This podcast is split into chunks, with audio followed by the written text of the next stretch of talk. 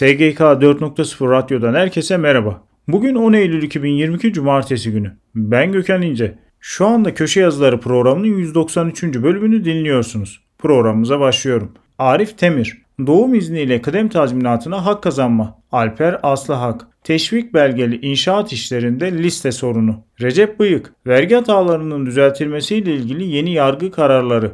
Resul Kurt. Sigortalı çalışmaya başlamadan önce engelli olanların emekliliği. Resul Kurt. EYT'de çözüm ne zaman? Eyüp Sabri Demirci. Bayram tatilinde çalışan işçinin hakları. Fırat Çalışkan. Asgari ücret desteği genelgesi yayımlandı. Hüseyin İrfan Fırat. İşveren engelli çalışanı engelline uygun işlerde istihdam etmek zorundadır. Alaaddin Aktaş. Enflasyonda Aralık-Ocak illüzyonu.